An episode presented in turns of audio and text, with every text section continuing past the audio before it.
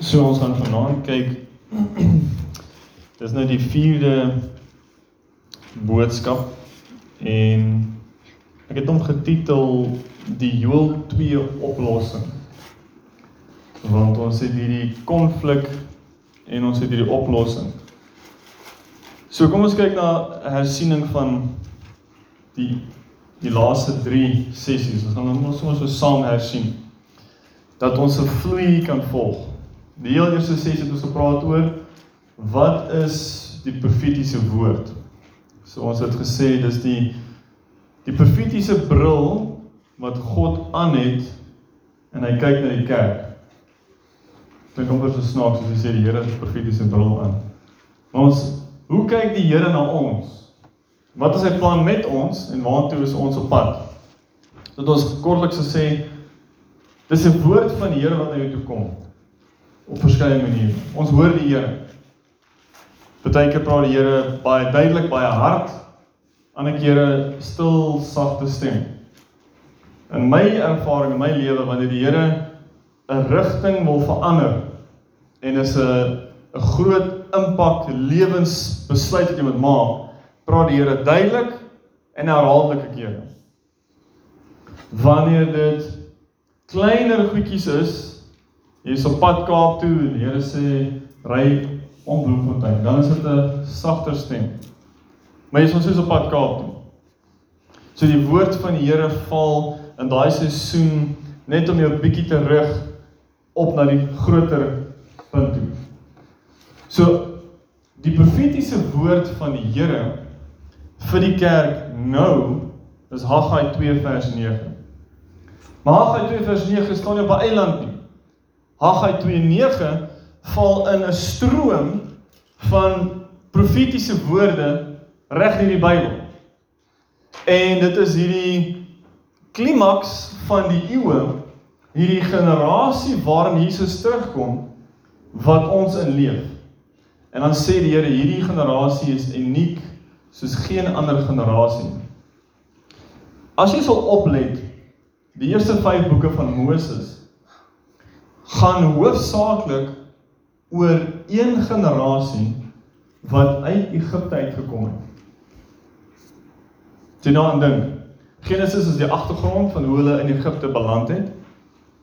Exodus begin waar hulle in Egipte is, vermenigvuldig verdruk word. Exodus bou dan op waar hulle uit Egipte uit verlos word deur die hand van die Here. En die uittog uit Egipte uit deur die woestyn word dan die basis vir die res van die Bybel.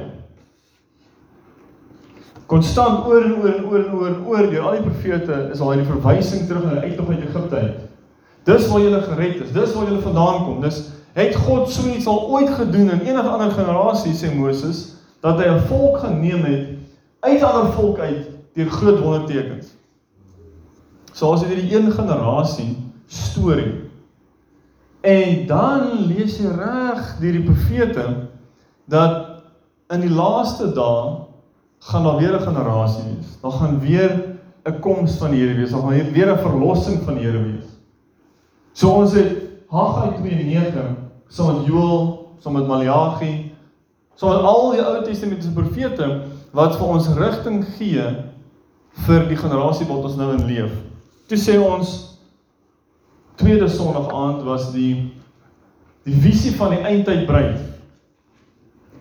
En die idee was om te sê kom ons skets 'n raamwerk uit die skrif uit. Wat sê die skrif? Hoe sien die Here ons aan die einde? Hoekom? Ons het baie bekende gesegde wat sê begin with the end in mind. As jy enigiets doen in jou lewe, beplanning gewys, ek meen ouens wat soos oom Henk sal nou weet as jy nou gebou teken, jy begin met die eindprentjie in gedagte en dan bou jy van daar af al die stappies nog voor jy dit gaan implementeer. So ons het toe gesê ons wil kyk na die bruid, ons hoe lyk ons voor Jesus se wederkoms? En hoe gaan die Here ons daar kry? So sê ons okay, daar's daar's baie skrifte wat duidelik vir ons sê die missie. Hoe gaan hy ons daar kry? Uitstorting van die Gees, moeilikheid ensovoorts ensovoorts. Die derde sessie het ons gepraat oor hier is ons hierdie groep mense en die Here sê hy gaan voorgangers stuur. So ons kan kyk na die notas heel bo. Ons hersien die voorganger boodskappers. So voor die wederkoms van die Here sal daar 'n beweging wees van mense. Ek noem dit 'n beweging. Dis nie 'n denominasie nie. Dis individue en groepe wat die gees van die Here beleef. Drome, visioene, skrif wat begin jou aandag trek die hele tyd in 'n onderwerp wat jou pla, hierdie wie is Johannes die Doper of wie is Elia of die koms van die Here. Ergens is daar 'n 'n roering in jou gees en hierdie mense sal hulle wees wat die bruid gaan help voorberei. So dis 'n groep mense wat vooraf volwasse gaan word om die ander te help. Maar nota. Uit mag dit. Okay. Net seker maak almal het notas. Hulle sal in die gees van Johannes die Doper bedien en voorgangers wees met passie en ywer vir die Here. Ek dink daai is vir my so krities want ons is in 'n uur nou waar die kerk lou is. En as jy ywerig en passievol is, dan is jy gewoonlik die een wat uit is. Jy's gewoonlik die een wat hulle vir sê nee, net rustiger, ek weet nie. Jy moet nou nie almal vandag te bekeer nie. Nee, ons kan almal vandag bekeer. Kom ons vat dit. So, hul bediening kan opgesom word as volg. Ons het na 4 punte gekyk. Hulle sal die weg van die Here gereed maak. Dit behels hulle is eindtyd boodskappers met 'n fokus op die laaste generasie. So hierdie groep mense gaan sensitief wees vir wat om hulle aangaan en hulle gaan dit wat hulle sien met hulle oë in die nuus in die wêreld gaan hulle vergelyk met die skrif en sê, "Hm. Dis baie interessant." Dit wat ek sien met my oë en hoor met my ore, dit wat om my aangaan, is dit wat die Bybel gesê het. Ek sien 'n korrelasie. Dit maak my opgewonde. Ek is bewus van die uur waarin ons leef. Ek leef nie soos die volstreis met my kop in die grond nie. Want 'n kerk wat 'n plan het buiten wat die Here nou doen in hierdie seisoen, gaan 'n kerk wees en 'n groep mense wees wat hulle self moet befonds. Self moet die salwing gee, die krag gee en jy gaan leegloop. Die Here gaan nie 'n ding ondersteun wat nie in sy plan is nie. Die Here het 'n plan. Sy plan is om die bruid voor te berei vir sy wederkoms. So daai is my baie belangrik. Daai punt 1. Dis 'n sensitiwiteit. Hierdie is nie mense wat behep is oor die anti-kris en hierdie en dis net doom and gloom en dis hype en dis nie dit nie. Dis mense wat sê ons sien wat die woord sê en die woord sê waak en bid. Jy kan nie waaksaam wees as jy nie sien wat gebeur, daaroor praat en dan daaroor bid nie.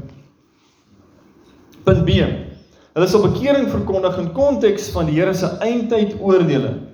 Dis 'n kontroversiële boodskap vir die kerk. Dis nie net die oordeel van ons gaan hel toe nie, maar dis die oordeel van die Here oordeel 'n nasie nou. En dis baie kontroversieel as jy sê daai vloede in Durban het die Here gesê by gestuur. Dan is dit baie kontroversieel. As jy gesê daai droogte in die Wes-Kaap kom van die Here af. Dis baie kontroversieel.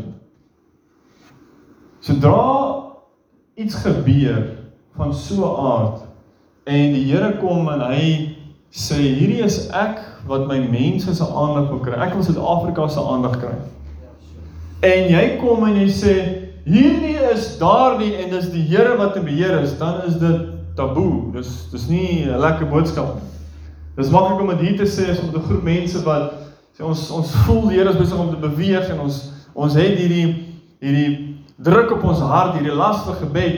Gaan sê dit nou vir 'n groep mense wat glo alles is net hankie dorie. En daar's niks oordeel meer nie.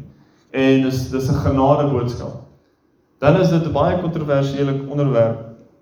Punt C. Hierdie mense, hierdie voorganger boodskappers, hulle die bruidegom koning aspek van Jesus se persoonlikheid as die primêre fokus van die bediening. Hoekom? Want ons is besig om 'n bruid voor te berei. 'n Bruid moet die bruidegom in sig hê en die vriend van die bruidegom moet die bruid te kenne gee wie is die bruidegom. Hoe, hoe sy hart? Wat verlang hy? Wat soek hy? Weereens, as ons praat van bruid, bruidegom en ons praat van die einde van dae, Jesus kom terug. Ek meen toe ek nou groot geword in die kerk, toe was dit nooit my so geleer nie. Dat Jesus kom terug as 'n bruidegom. Dit was dit was Jesus wat terugkom. Daar was die wederkoms van Christus. So nee nee, hy is 'n bruidegom primêr. Ja. O, oh, dit verander die prentjie. En hy's 'n koning wat sy koninkryk gaan vestig en hy wil 'n bruid hê om te heers saam met hom. Ek sê julle in die volgende paar jaar wat kom, gaan hierdie meer werklik word as nog ooit van tevore in ons lewens. Ons praat nie van 'n sprokiesverhaal koninkryk nie. Ons praat een wat fisies op hierdie aarde gaan heers. Daniël 2 sê elke koninkryk op hierdie aarde gaan die klip kom en vermorsel, verbrysel. En die Here sal heers oor hierdie aarde vanuit Jerusalem. Daai is 'n baie kontroversiële boodskap as jy met 'n diktatorskap werk. 'n Chinese diktatorskap, 'n Noord-Koreaanse een, 'n Russiese een, 'n Islamitiese een. En jy sê kyk, daar's 'n ander koning en hy gaan die hele koninkryk totaal al vernietig. En dit in konteks van daar kom aardbewings en daar's 'n groep mense wat gebid het en gewaarsku het en gesê die Here gaan oordeel met 'n aardbewing. En dan kom daar een. Dan is dit dan is dit 'n hele ander dimensie waarvan ons praat. So hierdie mense het hierdie persoonlikheid van Jesus as bruidegom en koning en dit is die primêre boodskap. Primêre boodskap is nie Jesus wat kom oordeel en verwoes nie. Dis nie Jesus die lam van God nie. Daai is waar en is so, maar die beklemtoning in die laaste dae is die bruid bruidegom verhouding. Punt nommer 3. Hulle sal die kerk help om saam met Israel te staan deur gebed vir God se beloftes van verlossing vir Israel. En hierdie is weer eens een wat meer en meer kerke begin wegdraai van Israel af. Begin 'n vervangingsteologie hê. Begin saam met Israel se vyande staan. En dit sal toeneem en toeneem soos die druk toeneem en die misleiding. So hierdie hierdie groep voorganger boodskappers gaan met een ding verstaan, God se plan met Israel en God se plan met die kerk en hoe die twee hande vat. Dis om te verstaan die hele Bybel, die ou verbond en die nuwe verbond. Want die ou verbond was gemaak met Israel en die nuwe verbond was gemaak met Israel en almal wat deur Christus kom. So dan praat ons van die wet van Moses. Ons praat van die tempel. Ons praat van die feeste van die Here. Ons praat van hoe verstaan ons hierdie goed in die einde van dae in konteks van verskriklike druk op jou om te kies om te verstaan. En dan praat ons van konstante gebed vir God se beloftes oor Israel. Die Here het gekom deur Israel en hy het ons verlossing gebring aan die nasies toe. Nou aan die einde van daag gaan die nasies bid vir die verlossing van Israel. Die kerk spesifiek onder die nasies. So daai is ons hersiening en dit bring ons hoe pastoor Jesus sê. Ek wil sommer net byvoeg as ek is. Um, vriende As jy nou vanoggend se boodskap nie gemis het nie, sal jy nou verstaan as jy nou vanaand hierdie goeie deel. En dis presies wat die Here wil doen.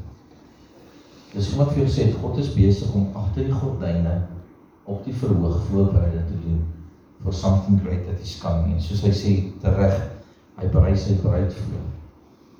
Die lam van God is na die kruis toe gestuur om vir ons sondes te sterf. Dis die slag van die lam van God.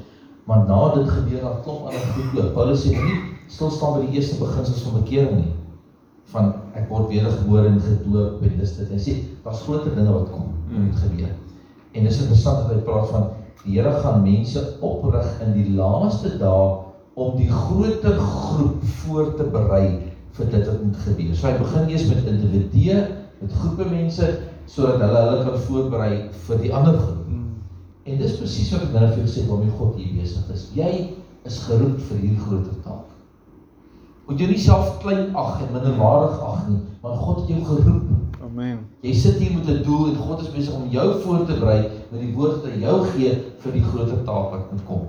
Amen. So asseblief, kyk net jouself as Here, ek het vir sê, Here, I want to be that man. Mm. Gebruik my sonder my af van die groter gehoor om om voorberei te word deur U daar, want dis daai ouens wat wat deur die vuur moet stap vir die evangelie, wat hierdie vuur moet stap vir die voorbereiding. Die ander ouens gaan die die joy van dit kry, maar die ouens wat die wat die voorbereiding moet doen, as jy nou maar sê toe gaan die voorberei, die ou wat die voorbereiding doen, gaan deur daai vuur toets. Maar as hy dit gedoen het en hy gee die boek en dit word gepubliseer, dan kry die ander ouens die joy van sy harde werk. Mm. En dis presies wat die Here met my en jou wil doen. Mm. So sien dit as Here, U berei my voor vir iets groters waarin ek 'n impak gaan hê in die groter nasies. Dankie. Amen. Amen. Amen. So kom ons kyk na punt 2. So die titel is die Joel 2 oplossing. Nou as ons praat van oplossing, dan moet daar altyd 'n probleem wees. En as jy Joel 1 en 2 lees, dan lees jy van Joel kom en hy sê daar's 'n probleem en die probleem is die volk, die mense se sonde, hulle louheid het weg, hulle hulle, hulle self weggetrek bietjie vir bietjie oor jare weg van die Here af. En die Here was lankmoedig en lankmoedig en lankmoedig en dan sê die Here nou gaan ek die heel eerste skudding bring, ek wil julle aandag kry. En dit bou in intensiteit, Joel 1 tot Joel 2 van net landboukrisisse, die swerms van sprinkane, die een swerm en die volgende swerm en die volgende swerm na landboukrisis word hongersnood, hongersnood word ekonomiese krisis, ekonomiese krisis lei dan na oorlog toe. In Joel 2. En dan is die vraag as hierdie van die Here afkom om ons aandag te kry, wat begeer die Here van ons? So ek het dit so opgesom hierso. Die Here soek nog altyd net een ding van ons almal, ons hele hart. Ons volkomme liefde en toewyding aan hom alleen. Die Here sal ons nie dwing om hom lief te hê. Daai is 'n groot probleem. Die Here sal ons nie forceer om hom lief te hê. Maar wat sal die Here doen? Hy sal die minste intense situasies skep om ons volle aandag te kry. En dan as hy ons volle volle aandag het, dan het hy ons totale toewyding, ons hele hartige liefde. Kom ons kyk daarso Joel 2 vers 12. So as jy Joel 1 en 2 lees en jy vloei van hy boodskap en hy vloei, dan kom jy by vers 12 waar Joel nou vir die volk sê, dit is wat die Here soek van julle. Hier's die antwoord. Die oplossing. Vers 12 sê, maar selfs nou nog spreek die Here. Kyk, sê daar gaan hierdie groot weermag kom. Voor hulle gaan dit wees soos die tuin van Eden en as hulle klaar is, dan gaan dit wees soos 'n woestyn. Alles afgebrand, alles geslag, alles dood, niks oor nie. Dis soos 'n soos 'n ISIS. En dan sê die Here, maar selfs nou nog met daai gevaar insig spreek die Here. Bekeer julle tot my met julle hele hart en met vas en geween en rouklaag. Dis wat ek soek sê die Here. Ek soek julle hele hart. Ek wil julle besef, ek laat hierdie dinge toe sodat julle na my toe sal kom. OK, 2 Kronieke 16 vers 9. Want die Here sy oë deurloop die hele aarde om diegene kragtig te steun wie se hart onverdeeld op hom gerig is. Daar is geen beter boodskap as die Here wat ons kragtig steun. Maar daar's 'n vereiste vir dit. Die vereiste is 'n onverdeelde hart op hom gerig. So hier is 'n saak van die hart in die hart van die saak. Deuteronomium 6 vers 5. Hierdie is wat Moses gesê het. So Deuteronomium is Moses se opsomming van die 40 jaar. En hy sê hier's die opsomming volk. Daarom moet jy die Here jou God lief hê met jou hele hart en jou hele siel en met al jou krag. Dit is waar die Here agterna is. Dis wat hy soek. Hy soek ons hele hart. Openbaring 2 vers 4. Ons gaan van die een punt van die Bybel na die ander punt van die Bybel. Maar ek het teen jou dat jy jou eerste liefde verlaat het. Hierdie Openbaring 2 vers 4 is aan 'n herlewingskerk, die kerk van Efesus. Vol herlewing, vol wonderwerke, vol bekering, vol sendingwerk. Die krag van God demonstreer daar en in die midde van hierdie krag trek die mense se harte weg van die Here af. Die bediening word eerste en die verhouding tweede. So dis nie net sonde en ons bandigheid in die wêreld waar ons harte wegtrek nie. Dis selfs met die wanneer ons die belofte ontvang van die heerlikheid van God. Kan jy nie jouself indink die rolstoele en die mense wat opstaan in die rolstoele uit en nou almal te kere gaan. Die mense met MS met met besetenheid al die wonderwerke op plaas vind, die kroe wat toemaak en die mense wat instroom, die demone wat uitkom. Daai is verskriklik aangrypend. En dan die groot las wat mense op jou sit. Het nou al getuienisse gelees van mense wat in hierdie in 'n genesingsbediening gefunksioneer het, die salwing van die Here dat hulle op die lughawens kom kry die mense hulle aan. Dan staan hulle rye. Bid net vir my seentjie. Bid net vir hierdie en nie die hande op en dan die las wat daai persoon moet deurgaan. John G. Lake dan die mense gekom op sy sy grasperke gewag. Dan moet sy vrou kos maak vir daai mense en as hy terugkom dan moet hy eers hande op daai mense lê om genees te word voor hy by sy vrou en sy kinders kan kom. As daai salwing kom en daai heerlikheid, dan is dit baie maklik om die fokus van intimiteit te verloor en behep te raak met die demonstrasie van krag. Dis nie net die sonde en die louheid wat ons harte wegtrek nie. Daai is net so 'n gevaar. Handelinge 13:22 kom daar kom uh, Paulus en hy skryf en hy sê hierso van Dawid. Hy sê ek het Dawid die seun van Isaai gevind, sê die Here. 'n Man na my hart wat al my welbehaag sal doen. So dis die hart hierso wat die Here soek. Maar in Spreuke 4:23 sê bewaar die hart bo alle dinge want daaruit is die oorspronge van die lewe. Ons harte en ons begeertes kan maklik links of regs gedraai word met wat ook al ons gefassineer word mee trek ons hart in daai rigting. So ek vra hierdie twee vrae hier so aan die einde van bladsy 1. Hoe sal dit lyk wanneer iemand die Here met alles liefhet?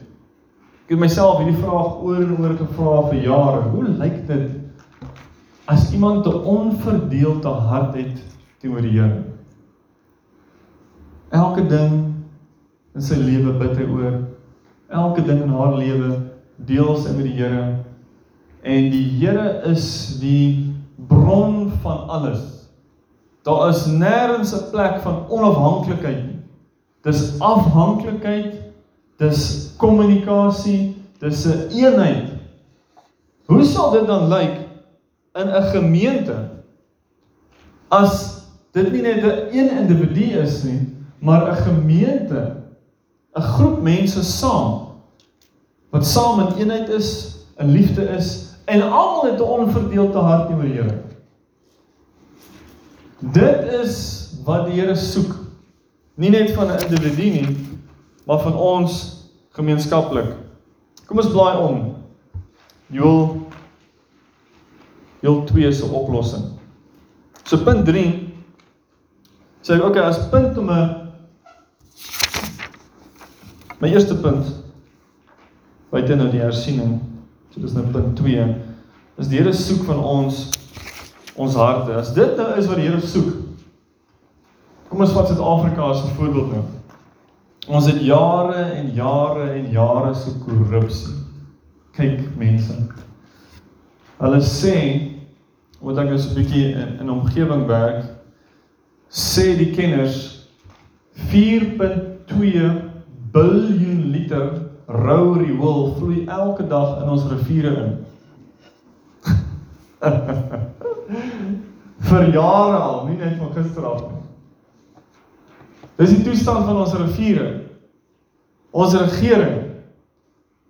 My opsomming van dit is dit is as gevolg van die kerk se toestand dat die omgewing so lyk en dat die regering so lyk. Nou as dit is wat in die natuur gebeur en dis 'n weerspieëling van die geestestoestand dan is dit geen wonder dat ons so gemors het nie. En as ons daai heel eerste beginsel perspektief kan verander in ons gedagtes, dat dit so erg lyk in die omgewing en die omstandighede in die land as gevolg van die kerk, dan het ons 'n hele ander perspektief. En as gevolg van die kerk van wat? Dis die gebroke verhouding tussen die kerk en die Here wat hierdie kettingreaksie voortgebring het. So. Hierdie punt sê die heel twee oplossings in moeilike tye. Hier het ons nou moeilike tye in Suid-Afrika. En hierdie moeilike tye eskaleer net. En daar is 'n draaipunt, daar's 'n lig aan die einde van die tonnel, dis nie 'n trein nie. En daai lig aan die einde van die tonnel is dat die laaste paar jaar is daar 'n gebedsbeweging wat toeneem in Suid-Afrika. Ons is die enigste land ter wêreld, sover my kennis strek, wat 'n 1 miljoen persoon gebedsdag gehad het. Daar is anders in die wêreld het mense mekaar gekom net om te bid en te bely en te bekeer. En toe het ons dit weer gedoen, twee keer. En buite dit is daar al hierdie gebedsbewegings, intersessiegroepe. Vas en bid. Daar's nou 'n 3 dae vas en bid vir die land. Omdat Dinsdag gaan ons president moet aangespreek word. En dan moet daai president geskei word. Afgedank word. Hy moet of bedank of hy gaan afgedank word. So hier het ons moeilike tye, maar nou Wat doen ons en wat sê die Here? Kom ons lees daarson. Die motivering vir ons oorgawe aan die Here is sy groot goedheid. So as jy Joel 2 lees vers 12, dan sê hy daarson bekeer. OK, die Here soek ons harte. Maar dan soek die Here uit daai hart uit moet daar iets vloei. Wat moet uit die hart uit vloei? Dit is die rede vir ons aanhoudende gebed en soek na hom. Daar moet 'n aanhoudende gebed wees. Joel 2 vers 13 tot 17 sê en skeer julle hart en nie julle klere nie en bekeer julle tot die Here julle God draai terug na die Here want dis ons die rede hier's die motivering hoekom in Suid-Afrika se toestand nou met Eskom nee nie dieselpryse en die petrolpryse en die ekonomie en die skole en die regering en die kerk se toestand hoekom moet ons uitroep na die Here buiten dat ons hom liefhet dat hy vir ons gesterf het Baie prakties. Hoekom moet ons uitroep na hom? Dit sê want hy is genadig en barmhartig. Lankmoedig en groot van goedertierenheid en een wat berou het oor die onheil. Wat het hierdie te doen met ons situasie? As ons die Here sal aanroep en as ons hom sal aangryp met vaste gebed, nie net individueel nie maar gemeenskaplik, dan sal die Here intree in ons situasie en hy sal vir ons 'n goddelike regering gee. Hy sal vir ons 'n goddelike president gee. Hy sal die kerk begin mobiliseer om te bid. Hy sal die kerk verander. En soos die kerk verander, sal die samelewing verander. Dit is die Here se genade, barmhartigheid, lankmoedigheid en sy goedertierenheid en een wat berou het oor die onheil. Wat is die onheil wat die Here gesê het oor Suid-Afrika sal kom? Hy het in Joel gesê hier is ons die onheil, dis hierdie oorlog, dis hierdie weermag, dis hongersnood, droogte, ekonomiese krisis, hierdie goed gaan eskaleer. Die onheil in Suid-Afrika sal wees oorlog. Wat ons laas jaar gesien het, hierdie plundering, die die verskillende kabaals, die die korrupsie, komplotte wat daar is om Suid-Afrika omver te werp en 'n 'n world order regering hier vas te stel wat 'n mengsel is van kommunisme, sosialisme met islam as die voorkeur godsdiens. Dis die onheil wat sal kom. Dit sal definitief kom as dan iemand is wat bid nie. Want wat gebeur het in Jerusalem 606 voor Christus Jeremia profeteer, Nebukadneser gaan kom. In Jeremia se tyd het Jeremia gebid. Hy was die die weende profeet. Hy het gehuil, hy het gevas, hy het gebid. En wat gebeur op 'n tyd kom die Here en hy sê vir Jeremia, tot hier toe en nie verder nie. Nou gaan jy nie meer bid vir hierdie mense nie. Mag daar nie so 'n dag kom in Suid-Afrika nie. Wat Jeremia het gebid, hy het die mense gewaarsku, hy het die mense gewaarsku, hulle het meer as genoeg waarskuwings gehad. En toe sê Here asseblief as dit moontlik is, laat hierdie onheil wegdraai van ons af. Asseblief as dit moontlik is dat die mense sal bekeer. Asseblief as dit moontlik is, laat dit nie so wees nie. En die mense het gelag en gesê dit sal nie so wees nie. Jeremia, jy is net 'n doom and gloom profeet. Gooi hom in die tronk, gooi hom daaronder in die gat. En in die jaar 606 toe kom Nebukadneser. En hy vat die eerste ballinge weg. Hulle sê, "Sjoe, jy sien, sien dit is amper wat Jeremia gesê het, maar amper nie. Ons sal ons het oorleef." In die jaar 596 voor Christus toe kom Nebukadneser weer 10 jaar later. En hy vat nog ballinge. Hy verwoes nog. Hulle sê, "Sjoe, jy sien ten minste die tempel staan nog. Ons is nog ons hy onafhanklike staat." In die jaar 586 voor Christus toe verwoes hy alles. Dit is wat sal gebeur as die mense verhard. So die Here kan sê deur 'n profeet, daar kom onheil oor Suid-Afrika, Suid-Afrika gaan verwoes word. Hy kan dit sê. Ons het 'n baie goeie voorbeeld in Jona. Alles wat ons hier lees in Joël, alles al die beginsels van die Ou Testament is deur Jona uitgeleef. Jona, ons ken die storie, gaan na Ninive. Ninive was was wie se hoofstad? Watter land? Watter volk? Assirië. Assirië was die mense waarvan Joël geprofeteer het. So Jona is na Joël en die Here sê gaan waarsku Ninive, sê vir hulle ek gaan hulle verwoes. Hoekom? Want hulle sonde. Kyk maar, hulle is nie in verbond met God soos Israel nie, maar alles wat van toepassing was op al die mense in die Ou Testament is steeds van toepassing op al die mense in die Nuwe Testament. Hulle het moord gepleeg. Hulle het gehoreer, hulle het gesteel, hulle het mense verdruk. En die Here sê gaan en gaan sê vir hulle ek gaan hulle verwoes. 120000 mense in hierdie groot stad van Ninive. En wat sê dit? Jona wil weghardloop. Die Here bring vir Jona en hy stuur hom Ninive toe. En Jona as 'n profeet ken die hart van God. Hy profeteer en hy sê die Here gaan julle verwoes binne 40 dae. En wat gebeur? Daai bose land. Ek meen as jy daaraan dink in, in moderne tyd vandag, Ninive is in Irak. OK? In 2014 het ISIS hulle hoofstad gemaak, Mosul, wat Ninive is. So prentjie nou ISIS in Ninive, moord, slag, dood, verdrukking van Christene en hier kom een man en hy sê die Here gaan julle uitwis en al die ISIS ouens bekeer. In sak en as, in rou, in vas, in gebed. En wat gebeur? Na 40 dae word Ninive nie verwoes nie. So jy sien, vandag se kerk sê gesê, "Ha, valse profeet." nee, Jona was 'n ware profeet. Hy het 'n ware ding gepreek. En wat gebeur? Die Here spaar Ninive en Jona was ongelukkig en hy gaan sit op buite en hy kla. Hy sê ek het geweet dis wat u doen, Here. U is barmhartig, lankmoedig, vol goedertierenheid. U sal selfs Agab en Manasse, die twee booste konings van Israel, met al hulle boosheid toe hulle berou het en gevas het en bekeer het, het die Here hulle gespaar. Dis moontlik. Dis die hart van die Here. Dit is hierdie genade en barmhartigheid en Jona is vir ons 'n baie goeie voorbeeld. Maar jy sien, ons het in die kerk hierdie mentaliteit gekry deur valse leringe dat die God van die Ou Testament is nie die God van die Nuwe Testament nie. So ons kan nie dieselfde beginsels toepas wat daar is op onsself nou nie. Ons sê ergens iets verander. En dan dink ons die kruisiging het God se karakter verander. Nee, hy kom nog steeds in hy waarsku. En as ons nie luister nie, sal daar verwoesting kom.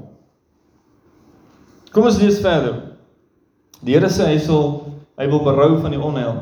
Wie weet, hier kom Joel. Wie weet of dit hom nie weer sal berou nie sodat hy 'n seun sal agterlaat. Julle sien, hierdie is die beginsel van ekonomiese herlewing. Toe ek en Pastor Louis in Maart maand by daai konferensie was by die ATS die AGS se se Bybelskool. Toe kom dokter Renée Hatting en sy sê sy het haar doktorale graad gedoen oor entrepreneurskap. En sy het daar navorsing gaan doen oor die verskillende herlewings wat plaasgevind het oor die jare. En wat was die gevolge in die samelewinge van die herlewing? En die gevolg was toe daar herlewing was, wat is herlewing? Die mense het begin terugkom na die Here toe, hulle het begin bid, hulle het begin bekeer. Hulle het mekaar begin lief hê, hulle het begin doen wat die Here gesê het. Die gevolge van dit in die ekonomie was verskriklike vooruitgang. As jy teruggaan na Martin Luther, na hom het ons in die 1600s vlug baie van hierdie protestante. Die protestante het gesê sola scriptura, sola gratia, deur genade alleen en ons gaan leef deur die skrif alleen, nie die skrif en tradisie nie. En hulle vlug uit Europa uit en waar land hulle? In Amerika en in Afrika. En Amerika beleef verskriklike vooruitgang want dis mense wat nou hulle lewens en hulle samelewing bou op die woord van die Here. Suid-Afrika met die stigting het verskriklike vooruitgang beleef want die nasie was gebou op voortrekkers as ons hulle sou genoem het die voorgangers wat op die woord van God gestaan het en uitgegaan het. En daar was verskriklike vooruitgang. Die vooruitgang het gestop toe ons weggedraai het van die Here af en goud nagejaag het. Sodat hy 'n seun sal agterlaat, 'n spysoffer en 'n drankoffer aan die Here jou God. Blaas die basuin op Sion. Heilig 'n vasdag, roep 'n vergadering saam. Versamel die volk. Heilig die gemeente. Vergader die oudstes en hier raak hy baie spesifiek vir ons vir volgende jaar. Vir AGS Magodyn. Ons gaan 'n vasdag roep. Dit gaan wees almal in die gemeente. Ons gaan mekaar kom, die oudstes, die kinders en die suigelinge. In in Nineve se tyd het die koning gesê, "Haal al die voer uit die voerbakke uit, selfs die diere gaan vas vandag."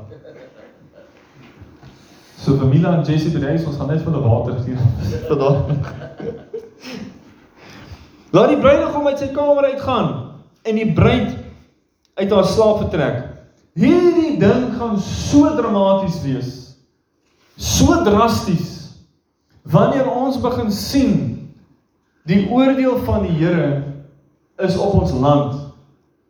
En dat die oordeel van die Here moet gekeer word, beperk word, dan raak dit dringend dat selfs die bruid en die bruidegom op die dag van hulle troue, wanneer die roepstem kom, sal sê ons gaan die troue uitskuif vir 'n week. Vandag gaan ons vas en bid want dit is so dringend. As dit moontlik is, soos wat Joel gesê het. As daar 'n oorlog kom en ISIS is hier op die berge van Barberton, dan sê ek hulle, gaan nie mense gaan nie bekommerd wees oor trou môre of trou nie. Vandag gaan hulle vas bid. Dis omdat ons nog nie daai dringendheid het nie. As ons sou weet die dinge wat in Suid-Afrika beplan is, die onheil wat beplan is, dan sal ons harte roer En ons sal sê, weet jy wat, nie net sommer 'n dag nie. Kom ons vas en bid sommer vir 'n week. Dan sê dit hierso vir ons so duidelik, laat die priesters, die pastore, die bedienaars, die dienaars van die Here tussen die voorportaal en die altaar ween. OK. En dan hier kom Joel en hy sê hier's die gebed. Sê ooit gedink het jy gewonder het wat moet ons bid? Hier staan dit: O Here, spaar u volk en gee erfdeel nie oor aan smaadheid dat die nasies met hulle spot nie waarom sou hulle onder waarom sou hulle onder die volk sê waar is hulle God dis wat die spotters sê Julle sê julle God is in beheer. Julle sê julle God heers. Julle sê julle God is is die enigste een. En hier kom die onheil. En dit bou en dit bou en dit bou en dit bou. Dan begin hulle lag en sê, "Maar waar is? Julle het mos nou gesê julle Here gaan hoor." Mense het so gespot van hom Angus toe hy Australië toe gaan. Hy gaan so te bid vir reën. En hulle sê, "O, jy's mos die reënmaker." En nou aan die rainmaker son.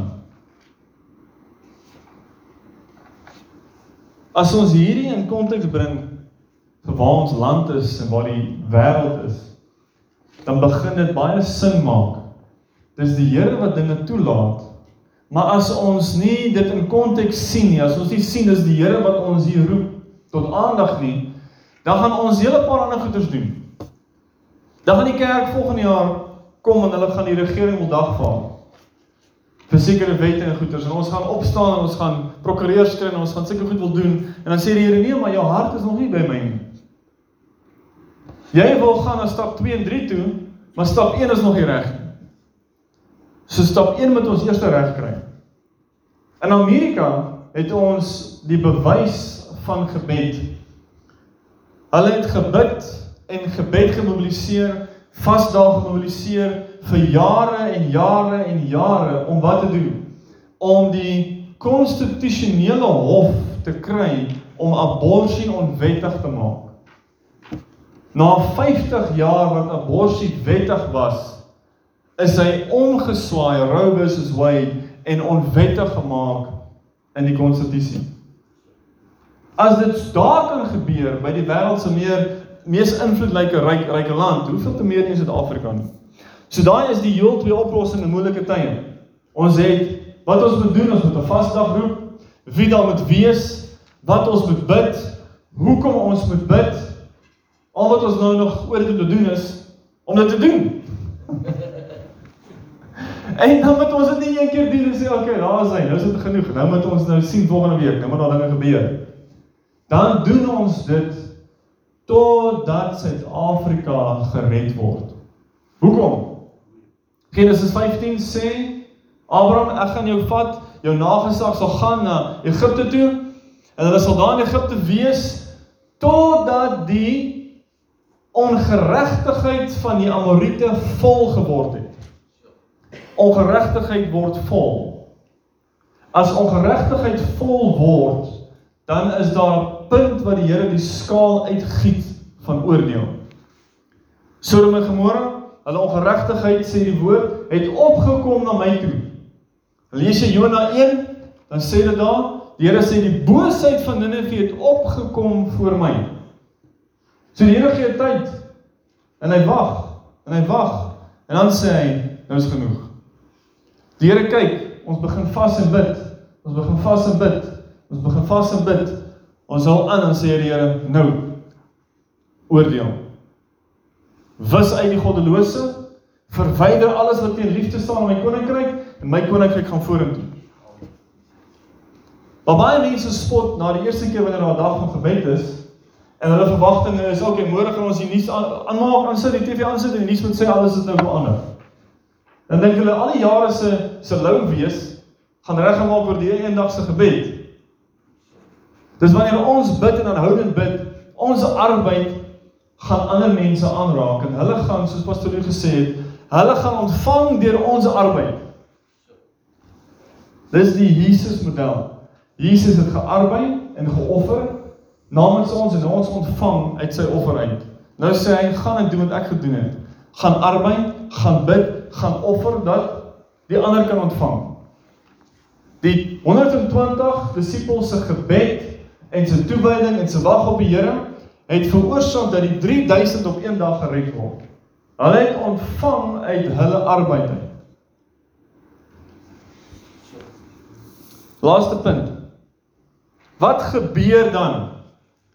Wat is hierdie heel twee antwoord van die Here? Ons het die oplossing bid vas in moeilike tye.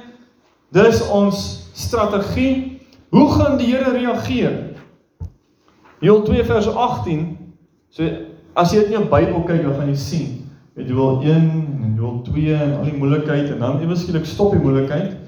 In Joel 2 vers 12 tot 17 is hierdie instruksies Dis jou oorlogs maatreëls, jou jou to-do list, jou strategie. En dan het ons na dit vers 18, dan begin hierdie hele nuwe seksie van Joël 2. Toe het die Here geywer vir sy land en sy volk verskoon. Amazing. Toe het die Here die gebede van die gelowiges in Suid-Afrika gehoor. Dit het sy hart geraak want hy is genadig en barmhartig en lankmoedig en vol goedertierenheid en hy het geveg vir ons en hy het die onheil begin afkeer. Hy het verwarring gebring in die kamp van die vyande en hy het Suid-Afrika verskoon. Amazing, hè? Die Here kan dit doen. Vers 21: Wees nie bevrees nie o aarde, juig en wees bly want die Here doen groot dinge. Dan van daar af lees jy die eerste groot dinge wat die Here doen. Hy herstel ons ekonomie wat gebou is hoofsaaklik op landbou en mynbou. Hy begin herstel bring. Weet jy wat noem ons dit in vandag se terme? Herlewingslandbou. Jy weet daar so 'n term. Ons praat van herlewing in die kerk. Ons praat van regenerative agriculture. Herlewingslandbou is die amptelike titel in Suid-Afrika se landbou. Ons herlewing wat plaasvind. En daai herlewing kom van die Here af as 'n antwoord op sy mense se gebed. Amazing. Dit stop nie daar nie, dit bou daarso en dit bou. En dit eindig by Joel 2:28 sê en daarna, na hierdie landbouherlewing, na ek begin dinge verander het in julle ekonomie, ek het begin reën gee. Daar's kos, daar's voorspoed. Ek begin antwoord. En daarna sal ek my gees uitgiet op alle vlees. En julle seuns en julle dogters sal profeteer. Profeteer kan wees een van die volgende dinge of almal van die volgende dinge. Om boosheid te konfronteer is om te profeteer. Om die kerk op te bou en die kerk te mobiliseer in die wil van die Here is om te profeteer. En om die geheime dinge te openbaar is om te profeteer. Julle seuns en julle dogters sal begin hierdie dinge doen. Julle ou mense drome droom. Die Here openbaar sy plan deur drome. Dis deel van sy antwoord. Dis deel van sy gees wat hy uitstort. Julle jongelinge sal gesigte sien. Die opening van die oë, Efesiërs 1 vers 17. Kom Paulus en hy sê ek bid dat Here dat julle die gees van wysheid en openbaring in die kennis van Jesus Christus sal ontvang. Verligte oë van julle verstand sodat ons gesigte kan sien in die gees en ook op die diensknegte en op die diensmaagde sal ek in die dae my gees uitgiet. In die dae dat ek 'n antwoord gee op die gebed van die mense. So as die gebed toeneem in intensiteit dan neem die antwoord toe in intensiteit. Soos ons bid en uitroep, so antwoord die Here. Dan sê ons Here, kyk, daar's nog baie mense. Die oes is ryp. So ons bid en soos ons bid, so stuur die Here. En so begin die oes inkom. Die mate van gebed, ek, ek is besig om daai Dr. David Jongie Chow se boek te lees, The Fourth Dimension. En hy sê daarson Hy het op sy gebedslys vir daai sê maar vir die volgende jaar se kerk groei. Hy gesê Here, ek gaan bid vir 1000 siele per maand. En einde van daai jaar het hy 12000 siele was bygevoeg by die kerk. Sê Here, nou is dit 1000, kan ek bid vir 2000 volgende jaar. 2000 'n maand. 2000, 2000, 2000. Soos ons bid, sal die Here die oes inbring. Soos ons bid, sal die Here die herstel bring. Soos ons, maar ons moet bid. Dit gaan nie kom sonder ons samewerking nie. Nou, hier is die groot uitdaging.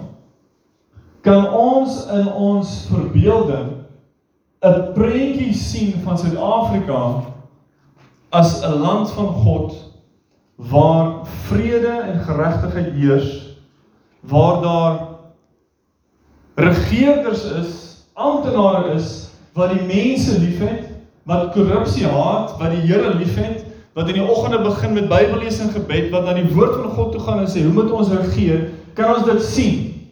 Kan jy dit verbeel? Kan jy dit indink? Hier is ons oefening.